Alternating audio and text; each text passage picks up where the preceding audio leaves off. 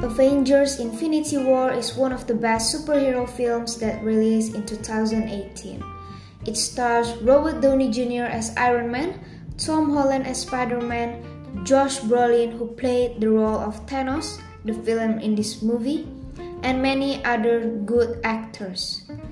The film told a story about Iron Man, Spider Man, Thor, and the whole Avengers come together to battle their most powerful enemy, Thanos, who stole all the Infinity Stones to achieve his goal.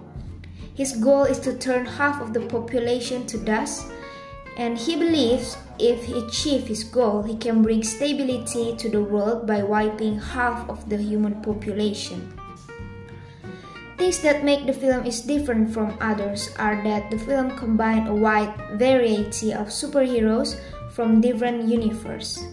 Second, the villain in this film is powerful and interesting.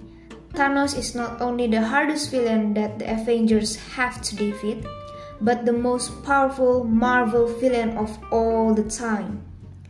The last thing is that the battle in this film is really dramatic and epic.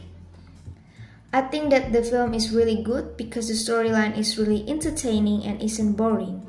The CGI is really great and epic, and I love the actors because their acting was great. My first favorite character it will be Iron Man because he's brave and strong. And my second favorite character is Spider-Man because he's one of the funniest characters.